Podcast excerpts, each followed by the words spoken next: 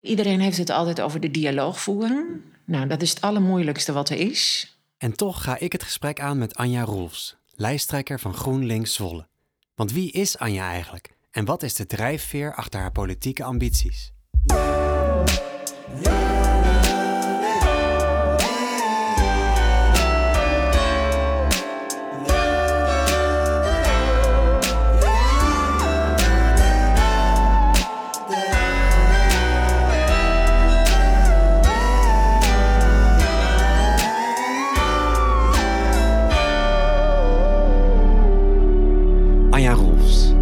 Woont sinds 2017 in Zwolle en werd al snel actief voor GroenLinks. En je ging na de verkiezingen in 2018 aan de slag als burgerraadslid. En na 2,5 jaar eh, kwam je ook daadwerkelijk in de raad. Naast je politieke carrière ben je al ruim 30 jaar werkzaam in het onderwijs. Je begon als docent aardrijkskunde, maar je hebt ondertussen al eh, leiding gegeven aan vier scholen. Eh, en nu geef je coachings aan onderwijsprofessionals vanuit je eigen bedrijf Arretre. Dat is allemaal informatie die ik van het internet heb geplukt. Maar klopt het wel? Het klopt helemaal. Helemaal? Ja, dus ik heb mijn dus werk goed gedaan? Dat Ja. heb jij goed gedaan. En dat stukje internet is dus ook eh, Ja. in orde bevonden. Ja, precies. Oké, en je hebt er dus... Nou, ik heb niks gemist. Nou, op hoofdlijn heb je het daar... ehm, heb je het daar echt, ja. Afgelopen januari ben ik met mijn eigen bedrijf begonnen met Arretre. Ja, Klopt. precies. Nou, leuk. Ja, nou, daar kunnen we het straks nog meer over hebben. Maar eigenlijk wilde ik het eh, in deze aflevering juist over dingen hebben... die je niet op het internet kan vinden. Want dat kunnen mensen zelf doen natuurlijk. En vandaag gaan we dan eh, nou ja, dingen, over dingen hebben die misschien niet op LinkedIn staan... of niet op de Stentor eh, staan. Dus laten we beginnen met deze woonkamer. Ja. Want die staat nog niet op internet. Nee. Eh, en nou, die komt ook niet op internet te staan als in, in beeld. Maar ik zie bijvoorbeeld wel een piano. Een hele mooie boekenkast. En een nou, heel strakke vormgeving. Is dit al vanaf 2017 ook op deze manier vormgegeven? Of verandert het heel vaak? Nee, dat, dat is inderdaad al vanaf 2017. Dat is binnenkort echt vier jaar geleden eh, zo ingericht. Ja. En ik wil eigenlijk iets gaan veranderen, maar ik ben er nooit zo goed in hoe dat, Oh. dan, eh, hoe dat dan moet. Maar het is wel, wel grappig wat jij zei. Een vriendin van mij die kwam hier toen binnen en die zei: Aan jouw inrichting kun je zien dat je GroenLinkse bent. Toen stonden er hier ook nog planten trouwens hoor. En die Oh, ja. zie je nu niet op dit moment. Maar dat komt omdat ik een pup in huis heb. En Oh, die ja. eet alles, anders al die planten op. Maar, eh, en wat jij nou ook niet ziet, dat heb je denk ik nog niet gezien, is dat er om de hoek staat een motor in de woonkamer. Oh, echt? Ja, die heb je nog Oh, niet ja, gezien. nee, dat heb ik nog niet gezien. Nee. Dat is een zelfbouwmotor van, ehm, van mijn partner. Die Ja. heeft hij zelf helemaal in elkaar gezet. Oh, dus die echt? wordt niet bereden. Nee, nee, hij is nee. wel motorrijder, maar die staat daar echt als kunstvoorwerp. Ja, precies. Maar kan hij wel rijden? Of? Als hij de laatste kabeltjes eh, connect, dan Ja. kan hij rijden. Oh, echt? Oh, wat vet. Ja. En dat in de woonkamer? Nee, dat heb ik inderdaad ook nog nooit gezien. Nee. Maar ik ga, ik ga straks even kijken. Ja, ga straks, nog maar, ga straks nog maar even kijken. En dat is natuurlijk niet echt heel erg GroenLinks. Maar wij hadden zoiets van, kunst kan van alles zijn. Ja. En eh, dit is het wat ons betreft ook. Ja, precies. En die koeien achter, die maken dat dan ook weer eh, goed natuurlijk. Ja, en dat is natuurlijk toch wel een beetje kenmerkend voor mijn roots. Ja, ja, precies. Als boerendochter. eh, en die heeft, eh, dit schilderij heeft een vriendin een keer voor me geschilderd. Oh, toen ik nog eh, in Zuidwolde woonde. Want Oh, daar ja. woonde ik hier, hiervoor. Ja, precies. Oh, leuk. En nu woon je aan de Koningin Maxima-straat. En je hoeft geen statement te maken over het Koningshuis. Maar heb je, heb je, voel je daar iets bij, bij, bij Koningin Maxima? En dat je in haar straat in Zwolle woont, bij wijze van spreken? Ik voel echt iets bij het Koningshuis. Ja, Ja, ik, ehm, ik, ik ben zelf eh, heel erg blij dat wij een koningshuis hebben. Want wat mij betreft draagt dat echt bij aan de stabiliteit van ons land. ja. En dat is niet speciaal alleen koningin Maxima. Maar wat ik wel heel erg leuk vond, dat toen deze huizen opgeleverd werden... dat iedereen de standaard een vlag bij kreeg. Oh, echt? De Nederlandse Oh, ja. vlag. Ja. Geen oranje wimpel. Die heb ik later zelf wel gekocht trouwens. Maar eh, dat betekent dus ook dat op belangrijke dagen... ook zoals 4 en 5 mei... Dat we iedereen- bijna allemaal de vlag uit hebben Ja, hangen. En dat geeft toch wel een heel mooi beeld. Ja, ja dat snap ik wel. Want je, afgelopen eh, Koningsdagen viel me inderdaad al best wel op... dat heel weinig mensen Vlaggen. een vlag überhaupt hebben. Ik heb Ja. zelf ook niet één. Maar ik heb ook eh, geen vlaggenstok of geen, geen plek om hem eh, op te hangen. Maar ja, dat is wel, ik kan me wel voorstellen dat het wel een soort van eensgezind gevoel geeft. Ja. Ja. Saamhorigheid. Ja, het, nou, ik vind dat in ieder geval wel heel fijn. En ook op zo'n eh, 4 mei, hè, dat is toch een heel belangrijk, vind ik nog steeds, moment. Ja. En als je dan gewoon massaal hier die vlag zo halfstok hangt, ja, dat, dat, dat geeft toch wel een bepaald gevoel. Wat Ja. ik er ook graag aan gekoppeld wil zien.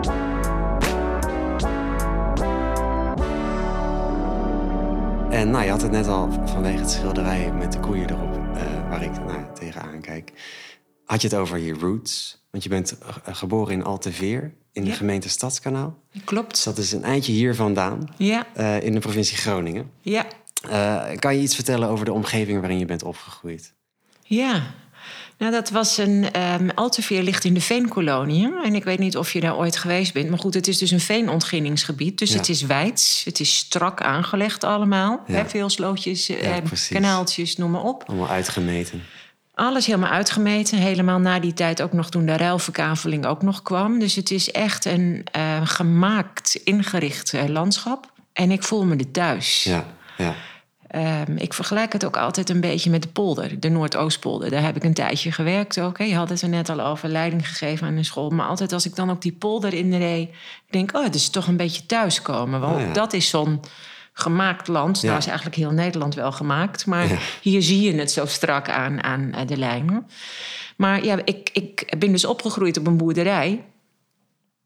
En eh, dat betekent dat we ehm, ja, in, in een kleine buurtgemeenschap eh, wonen. En, eh, maar verder behoorlijk eenzaam. Dus of je nou naar de gymvereniging ging of dat je naar de school ging, je moest altijd een behoorlijk stukje fietsen. Ja, precies. Ja. Ja. dus je hebt hier veel gefietst. Ik heb heel veel gefietst. Ja. Ik heb heel veel gefietst. Maar ik heb ook van eh, toen we 16 eh, werden, en ik zeg we, want ik heb een tweelingzus. En Oh, ik heb echt? twee oudere zussen. Oh. Maar kregen we een, een brommer. En ehm, dat was toch ook wel heel erg fijn. Dat zou Ja. je nu eigenlijk bijna niet meer denken. Maar goed, nu krijgen heel veel scholieren allemaal elektrische elektrische fietsen op fiets, het moment dat ze ver moeten. Maar dat was echt wel een, een, een poeg. Oh, ja. Ja, mag dit eigenlijk in jouw eh, verhaal eh, ook nog iets van reclame maken? oh ja hoor, ja, ja, ja. Dus- ik zit nergens aan vast. Nee. Oké. Maar ehm, nee, dus, dus dat was... Het, het was gewoon een hele ehm, fijne, veilige omgeving. Ja. Thuis ook. De boerderij ook, maar ook wel een hele beschermde en beperkte omgeving. Ja. ja. Ehm, kijk, ik ben 53, dus dat hoorde ook wel bij, bij, die, ehm, bij, bij die tijdsperiode. Maar dat ik ehm, op een gegeven moment, dat weet ik nog heel goed, op de basisschool zat. En dat was dan dus in de jaren 70. En, en toen kwamen er eh, veel mensen vanuit Suriname hè, naar Nederland, Ja. omdat het daar toch wel crisis was. Maar dat was voor het eerst dat ik in aanraking kwam met mensen met andere culturen. Ja, en, en andere kleur. Ja, überhaupt. Ja. Ja, dat had ik gewoon nog nooit gezien. Nou, dat zegt even iets over je, je, je beperkte, beschermde, maar ook ja, je wereld waar Ja. je op dat moment eh, in leeft. Ja, zeker. Ja. Ja. En dat is misschien dan wel heel erg veranderd, want je ging op een gegeven moment ging je naar de stad Groningen Ja, vanuit de provincie. klopt. Daar heb je gestudeerd, leraar aardrijkskunde als ik het goed Ja, heb. lerarenopleiding aardrijkskunde heb ik gedaan. En ehm, ja, daarmee veranderde mijn wereld gewoon heel dat, erg. Dat geloof ik, ja. Ja. En dat is wel leuk, hè? Want ja, als je toch in zo'n studentenwereld komt, je krijgt opeens ook hele andere gesprekken. Hè? Allerlei ma- eh, ma- maatschappelijk eh, georiënteerde gesprekken, helemaal vanuit die eh, docentenopleiding aardrijkskunde. Ja, want had je dat thuis niet dan? Of... Jawel, maar wel vanuit een, vanuit een eenzijdige invalshoek. Ja, ja, precies. Ja, is toch heel Eh, anders dan. Ja, en daarmee werd mijn wereld opeens letterlijk en figuurlijk vergroot. Ja, er, er- er kwamen andere mensen zeg maar, aan mijn tafel zitten... die vanuit hun thuisfront andere invalshoeken meenamen. Nou, dat, was, dat was echt fantastisch. Ja, Ik vond dat echt een hele bijzondere tijd. ja. En dat heeft me ook gewoon in die combi... Hè, want ik heb een hele mooie basis eh, meegekregen van huis uit. Ehm, maar die heb ik toen wel uit kunnen bouwen.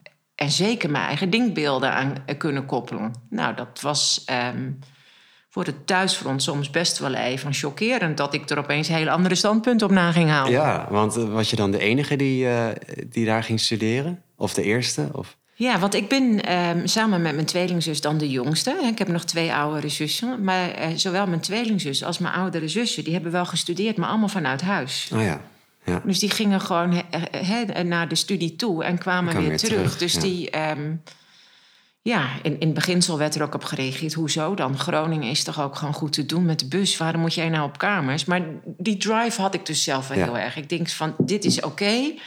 Maar, nu moet ik wel verder. Nu, Ja. nu moet ik wel even iets gaan ehm, ja, loslaten. Ja. En een beetje. hè, Ik heb het altijd zelf ook naar mijn eigen kinderen over de woorden wortelen en vleugelen. En ehm, bij tijd en wijle heb je allebei nodig. Ja, ja, oh ja, mooi inderdaad. Ja, want nou ja, leraar aardrijkskunde is natuurlijk een heel erg nou ja, wereldkundige opleiding.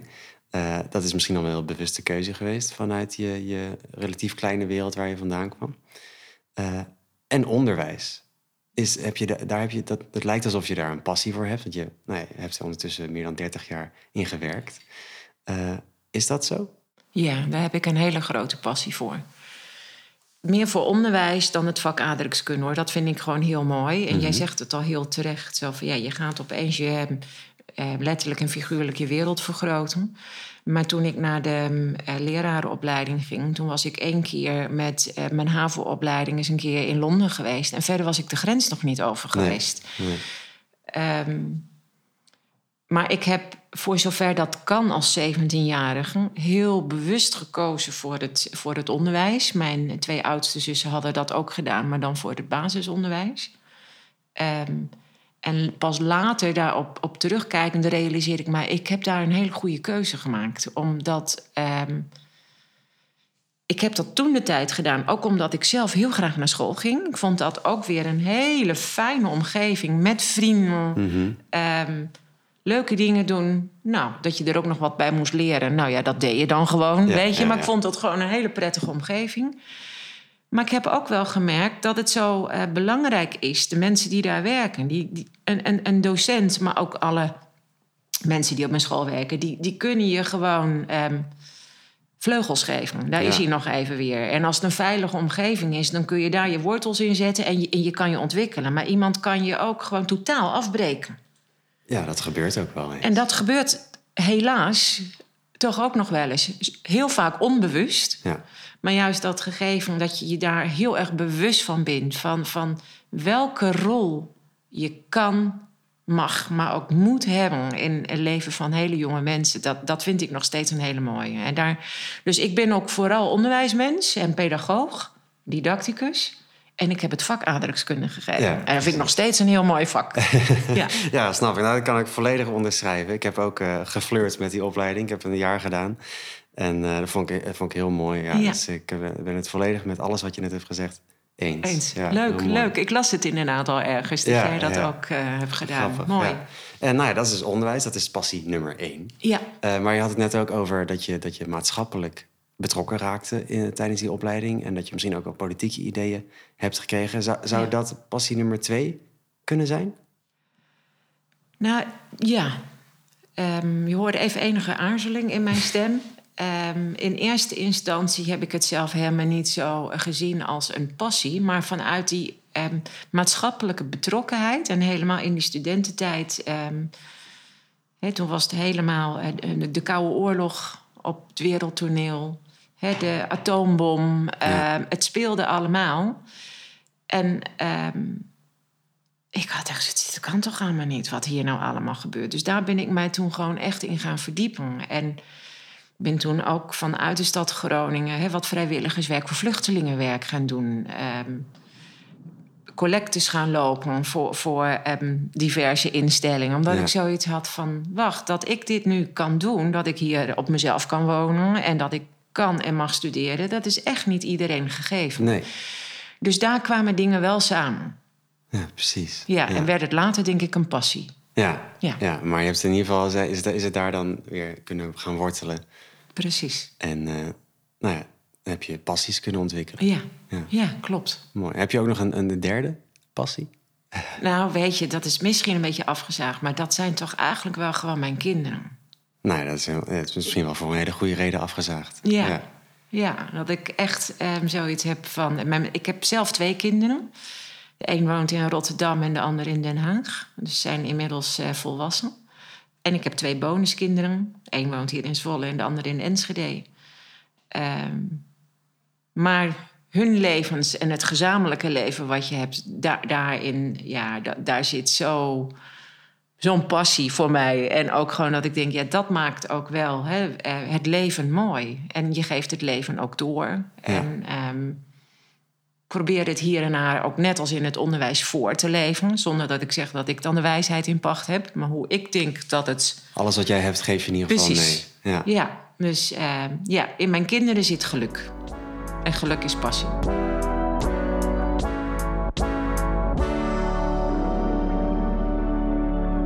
Hadden het er net al even over. Je hebt al 30 jaar ervaring in het onderwijs. En, eh, maar je bent nu niet meer in dienst bij een school. Je bent het wel heel lang geweest. En je bent nu, zoals je in het begin al zei, in januari voor jezelf begonnen. Kan je vertellen waarom je voor jezelf bent begonnen? Ja, dat, dat, eh, ik heb daar langer over nagedacht. Ik ben op een gegeven moment vanaf 2009 ehm, als schoolleider aan de slag gegaan. Ehm, mooi, belangrijk. Maar naarmate ik in andere eh, leiderschapsrollen kwam, constateerde ik ook steeds vaker bij mezelf van hé, hey, maar waar het me nou ooit om te doen was, die passie, hè, eh, de jongeren iets meegeven, begeleiden eh, er zijn, daar kom ik steeds verder van af te staan. Dus dan zat ik geregeld in de auto terug, want in, ik werkte de laatste jaren in Hengelo. Ehm, en dat ik dacht van oké, maar wat, wat zijn de kinderen er nou beter van geworden? Van, van wat ik de hele dag heb gedaan. Mhm. Nou, vooropgesteld, leiderschap is heel belangrijk. Dus indirect heeft het Ja, veel voor, de, voor, ja. de, voor de kinderen en voor de leerlingen betekend. Maar direct de terugkoppeling naar mij. Ja, dat je die energie voelt van... Ja, Precies. En dat is precies wat jij zegt. Die energie die voelde ik gewoon veel minder. Nou vind ik het ook heel erg fijn en belangrijk om in de teams te werken. Ook hè, waarmee je de gedeelde ambitie en de passie hebt en noem maar op. Mhm. Eh, maar die laatste paar jaren stond ik heel erg op afstand als lid eh, centrale directie. Dus ook qua team werd de energie steeds minder. Ja, ja. En toen dacht ik, oké, ik, ik heb er nou 30 jaar op zitten. Ik was ondertussen ook nog opgeleid als mediator. En ik denk, wat, wat ga ik nou doen? En toen heb ik besloten van nou, ook naast mijn raadswerk... want dat is best een flinke tijdsinvestering... eh, als je daar goed mee aan, eh, aan, aan de slag gaat... ja. Ehm, dacht ik, nou, ik ga gewoon voor mezelf beginnen. Want dan kan ik inderdaad wel die onderwijsprofessionals gaan coachen. Ik begeleid op dit moment ook docenten in opleiding. Dus ik ben zelf toch ook nog weer een heel klein beetje coach-docent. Ja, Dus er komen gewoon een aantal dingen heel mooi samen. En ehm, wederom een overvolle agenda. Maar ehm, bijzonder leuk. ja, dus dat is eigenlijk een luxe probleem. Dat is een luxe probleem. Ja, want het was best spannend in Ja, coronatijd om je baan gewoon maar ja. op te zeggen. Ja. Dat is ook weer, ook weer een luxe inderdaad. Maar om, eh, om te kijken van ja, en nu? Hoe gaat dit? Maar eh, ja, mooie dingen komen op mijn pad. Ja, ja fijn om te horen. Ja. Ja. En nou, je hebt natuurlijk heel veel jaren dan eh, andere mensen de les gelezen. in een, in een nou, heel letterlijke zin. Ja. Misschien figuurlijk wat minder, dat zie ik je minder gauw doen. Maar wat heb je over jezelf geleerd in je tijd in het onderwijs? Ja, dat is een hele mooie vraag. En ik denk dat ik mensen ook wel eens de les heb gelezen hoor. Daar hoort ja. er misschien wel een beetje Ja, bij. hè? hoort, hoort er wel een beetje bij. Maar ehm, dat is niet mijn standaard eh, vertrekpunt.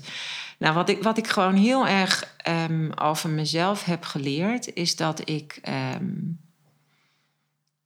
in welke situatie dan ook altijd werk vanuit de relatie met mensen. In onderwijs is het ook een veelgezegde ehm ja, quote: zonder relatie geen prestatie.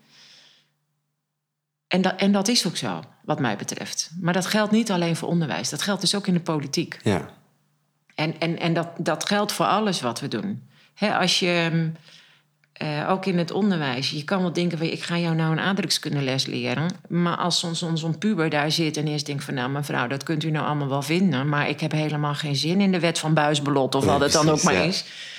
Dan gaat het er eerst om dat je met elkaar connect. Wat vindt zo'n leerling nou heel erg belangrijk in het leven? ja, Ehm, en, en dat is wat ik heel erg heb geleerd. En wat ik ook wel ehm, over mezelf heb geleerd, is dat ik ehm, het heel erg belangrijk vind om met mensen in gesprek te blijven. En wat bedoel ik daar dan mee? Iedereen heeft het altijd over de dialoog voeren. Mhm. Nou, dat is het allermoeilijkste wat er is. Ehm, en volgens mij zijn er ook niet zo heel veel mensen die dat goed kunnen. nee. Ik heb daar nog veel in te ontwikkelen, moet ik zeggen. Want meestal vind ik toch wel ergens iets van, of wil ik al ergens op reageren.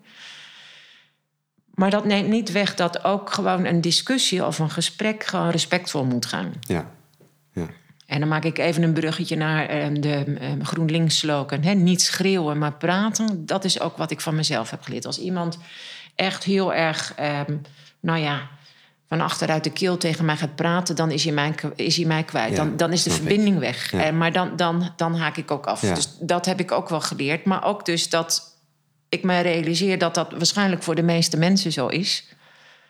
Ehm, Ja, het komt heel erg aan twee kanten altijd. Precies, Ja. precies.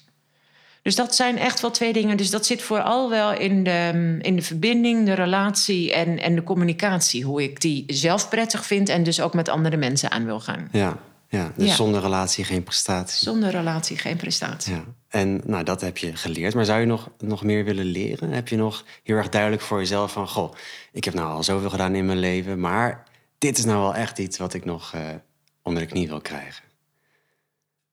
Of beter onder de knie zou willen krijgen?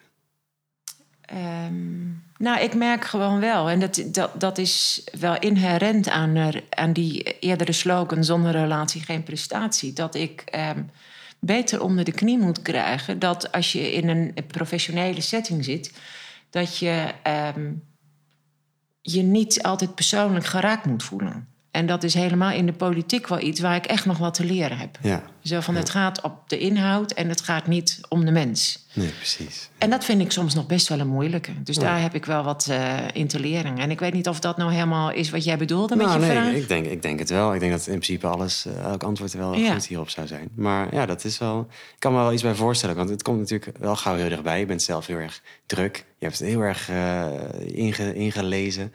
En dan krijg je misschien wel een vervelende opmerking. Dat moet je dan maar zo van je af kunnen laten glijden. Ja, En daar heb je dus nog moeite mee. ja, we- ja dat, dat vind ik wel lastig. Dat was natuurlijk ook al in mijn rol als schoolleider. Hè? Ik bedoel, ook Ja. dan heb je altijd mensen die eh, niet blij zijn met de keuzes die je maakt. eh, die daar wat van vinden. Ja. Ehm, soms terecht, soms ook niet terecht. En dat mijn eh, partner wel eens heeft gezegd... jij moet een beetje een teflonlaagje kweken. Ik denk, ja, maar hoe doe ik dat dan? Ja. En aan de andere kant denk ik van... ja, maar als ik nou een teflonlaagje heb... ben, ik dan, nog de? Anja? Ben ik, ben ik dan nog wel bereikbaar? Wat ik dus zo belangrijk vind. Dus Ja. dat, eh, die balans zoeken, dat vind ik best wel een, ehm, een, een hele lastige. Ja, en ook, ik. ja, Ja, en je mag natuurlijk, ik denk, in ieder geval, ik denk dat je wel eh, emotioneel mag worden als iets, als iets tegen je wordt gezegd waar je het niet mee eens bent. Of als je een klap krijgt eh, met woorden. ja. Maar dan hoe je daarmee omgaat is dan misschien het volgende. Nou, precies. Dat, dat, is, voor, dat is voor jezelf. Hè? Dat je er niet ehm, wakker van ligt. Nou doe ik dat ook niet hoor. Maar om het even uit te vergroten. Het Ja. is, het- dat is het. Aan de andere kant denk ik ook wel eens... maar ehm, ja, moet je je nou gaan wapenen tegen iets... wat je zelf eigenlijk helemaal niet oké vindt in de communicatie? Hè? Wat moet er dan eigenlijk veranderd worden? Ja, ja, Want daar denk ik wel heel vaak over na hoor. Dat ik juist denk van hoe, hoe heel, ehm, ja, het, toch wel bijna gewoon lijkt te zijn. Dat je via de social media gewoon al je ongenoegens maar gewoon eh, uit gooit, en op straat gooit. En heel vaak wel op de mensen. Hè? Dat ik denk van, goh, waarom nou Ja. eigenlijk? Ja, Ja, dat. Kan, dat kan een beetje naïef overkomen. Maar dat is echt iets dat ik, dat ik soms zelf niet zo goed begrijp. nee, nee. Nou, dat zou je misschien dan zelf ook niet zo gauw doen. Nee, Je doet het op een andere manier, namelijk je, je, je- zet je actief in voor een politieke partij, voor GroenLinks. ja. Ja, wa- waarom ben je dat eigenlijk gaan doen? Want ik zei in het begin al, je, kwam in Zwolle wonen... je was al heel gauw actief voor GroenLinks Zwolle. Was je daarvoor ook al op een andere manier politiek actief? In mijn studententijd dus, eh, heel kort hoor, bij de PSP. Dat is Ah ja, een van de voorlopers ja, ja. Van, eh, van GroenLinks.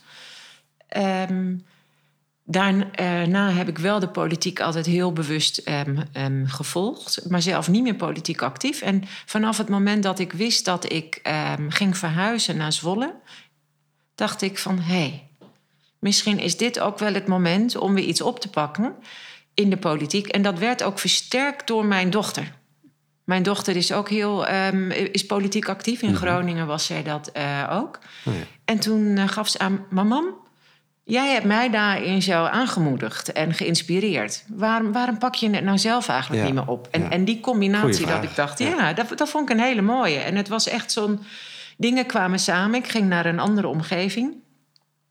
Ik denk, ja, hoe, hoe kun je een stad het, het beste en een gemeente eh, het snelst leren kennen door heel actief een bijdrage te leveren? Eh, met ja, toch die eh, politieke interesse heeft gemaakt dat ik mij dus toen meteen heb aangemeld bij GroenLinks en ook op de, op de kandidatenlijst Ja, kwam. ja, op nummer 12. Op toch? nummer 12. Ja, Ja. ja. nice. En eh, ben je dan ook nog steeds zo pacifistisch als, eh, als vroeger? Nou, daar is wel enige nuance bij gekomen. Ja. Ja, ja, dat het, nog steeds vind ik dat als uitgangspunt ehm, heel erg belangrijk. Maar waarbij ik inmiddels wel eh, ook zie dat ehm, Defensie die andere rol heeft. Hè? Juist van die. ehm, dan- en dan heb ik het niet alleen over oorlog voeren, maar ook over die reikende hand helpen, eh, geven. Hè? Mensen helpen. Ja. Ehm, maar ja, oorlog voeren zonder naïef te zijn, daar moeten we ten alle tijden proberen te voorkomen. Want dat, dat is puur machtsvertoon. En er wordt helemaal geen mens op deze wereld beter van. Dus daarin zit hij nog steeds. Ja, ja, mooi. Daar moet het toch vragen. Als je dan bij de PSP zat, dat is natuurlijk wel... eh, Ja, ja, ik liep echt met mijn butten met gebroken eh, geweertje op mijn, eh ja, op mijn ja, een echte, echte. Ja.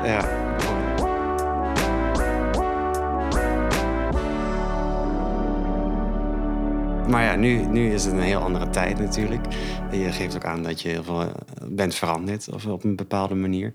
Ehm, maar waarom wil je dan nu nog alsnog wel de strijd aangaan eh, in, op politiek gebied? Nou, ik realiseerde me ook weer, mede door mijn, ehm, eh, mijn dochter, dat je op een aantal fronten invloed uit kan oefenen op een mooiere samenleving. Ja, Mijn dochter die heeft internationale betrekkingen gestudeerd en is daarna haar master ehm, eh, conflict studies gaan doen in Utrecht.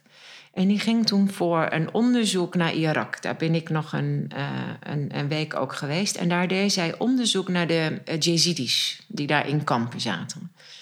En toen ik daar was, toen gaf ik, nou, was ik met haar in gesprek en toen zeg ik, hoe gaat het? En toen was zij enigszins een beetje teleurgesteld. En dat zat in het volgende. Zegt, maar mam, voor deze mensen wordt er nu al vijf jaar gezocht naar een oplossing. En de leefsituatie is nog helemaal niets veranderd en verbeterd. Dus ze was bijna ondaan. ja. Zo van, Ja. ja, maar hoe, hoe kan dit nou? En toen gaf ze, volgens mij, zei ze... zou ik veel meer kunnen betekenen op het moment dat ik vanuit een, een, een NGO of een, hè, een economische invalshoek iets zou doen, of vanuit de politiek, ja, of vanuit defensie, dan, dan is je invloedssfeer eigenlijk veel groter dan wanneer je het doet vanuit, hoe, hoe triest ook eigenlijk, hè, eh, al die organisaties, de non-profit sector. Eh, die ontzettend veel goed werk doen. Hè? Kijk ook naar het Rode Kruis en noem op. Je moet er niet aan denken dat ze er niet zijn. Zeg maar, om echt invloed te hebben, gaf mijn dochter aan, had ik, moet ik misschien het in een andere, in een andere sector gaan zoeken. Nou, en, en dat beeld, dat heb ik zelf ook altijd gehad, dat ik dacht van ja, even niet op wereldschaal, maar als je op kleine schaal iets kan betekenen, dan Ja. is de politiek daar een onderdeel van. ja. En dat is één, vanuit de drijfveer. Onderwijs is een heel belangrijk instrument om iets te veranderen in, in de leefwereld van mensen. En dat is politiek ook. En, en daar kwam het even weer samen. En vandaar dat ik zoiets had van ja, daar wil ik me heel graag voor in gaan zetten. ja precies. Ik word inwoner van Zolle.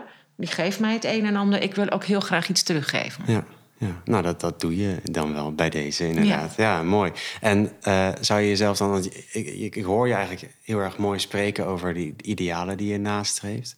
Maar aan, de- aan de andere kant ben je ook eh, schoolleider geweest... en moet je misschien wel heel pragmatisch aan de slag, vaak. Dus zou je jezelf dan een idealist of een realist willen noemen? Ik denk niet dat het met elkaar botst. Ehm, want ja, ook in, in de politiek moet je af en toe gewoon keuzes maken die ehm, niet je ideaal verwezenlijken, maar daar wel stapjes die kant toe zetten. Ja, Eh, dus ik denk echt dat het, dat het samen kan gaan. Ik, ik heb idealen, zeker weten, maar ik realiseer me ook, en, en dat schreef ik geloof ik ook al ergens, ik leef niet alleen op de wereld. Dus ik kan niet mijn eigen ideaalbeeld gaan, gaan vertolken. nee. Maar ik doe wel elke keer een poging om daar zo dicht mogelijk bij te komen. Dat heb ik ook als schoolleider gedaan. Ja, Ja, ja. En zo bepaal je je eigen invloedssfeer natuurlijk. Precies. Ja. En ook luisterend naar de anderen. Want ja, mijn ideaalbeeld kan een ander zijn, anders zijn dan die van een ander. En dan maak je samen een gezamenlijk ideaalbeeld. ja. Ja. Als ik dan zo een soort van samenvat, dan heb ik in ieder geval het gevoel dat ik je een stuk beter heb leren kennen in, eh, in dit korte half uurtje. Of even kijken, is het dan een half uur? Ja, nou wel ongeveer. Volgens mij hebben we dat heel netjes gedaan. Of in ieder geval heb jij dat heel netjes gedaan. Want je hebt heel duidelijk verteld waar je voor staat. En het kwam allemaal vanuit jezelf. Dus ja, daar hoef je dan eigenlijk niet heel lang over na te denken. Nee, zo, zo is dat. Mooi. Ja. Dank je wel. En eh, dan is het nu tijd voor de, voor de dagvraag. Dat is de laatste vraag die ik stel in deze aflevering. En daarna zeg ik dag. Ehm, en die luidt: Waar kun je jou s'nachts nou altijd voor wakker maken? En dan bedoel je iets positiefs, hè? Ja, het liefste wel. Ja, Ja. Dat is wel een leuk, leuker om mee af te sluiten. Ja, nou weet je, ik heb altijd gezegd op deze vraag... je kan mij s'nachts wakker maken voor een patatje speciaal. Het is nog nooit gebeurd. Niet? Nee. Oh, nou, maar moeten we iets mee doen. dan moeten we dat misschien maar gewoon eens gaan doen. Ja. Maar ehm, dat, dat, dat is wel het antwoord wat ik tot nu toe altijd Ja, heb gegeven. En dat geeft aan dat ik daar ontzettend van hou. Dat Ja. is niet dat ik dit heel vaak eet, maar vind ik wel heel erg lekker. Oh ja, nou dat is leuk. Dan, eh, nou, wie- weet, je kan hem, eh, je kan hem verwachten, denk ik. We gaan het zien. Ja. Maar ik wil je in ieder geval ja, hartelijk bedanken voor dit eh, boeiende gesprek. Ik heb veel over jou geleerd en dat vond ik heel leuk. Dank je wel. Het was inderdaad een fijn gesprek, dus dank je wel, Neil. Je luisterde naar Zwolle Zoomt In. Met deze keer een boeiend gesprek met Anja Rolfs. Ik ben Niel Nieuwkamp en ik zou het te gek vinden als je een waardering wilt achterlaten in je podcast-app. Daarnaast wil ik je heel erg bedanken voor het luisteren. Volg Zwolle Zoomt In op social media als je niks wilt missen. En hopelijk mag je dan weer verwelkomen in de volgende aflevering... waarin ik het met Simon Visser heb over veganistisch ondernemen. Heel erg graag, tot de volgende.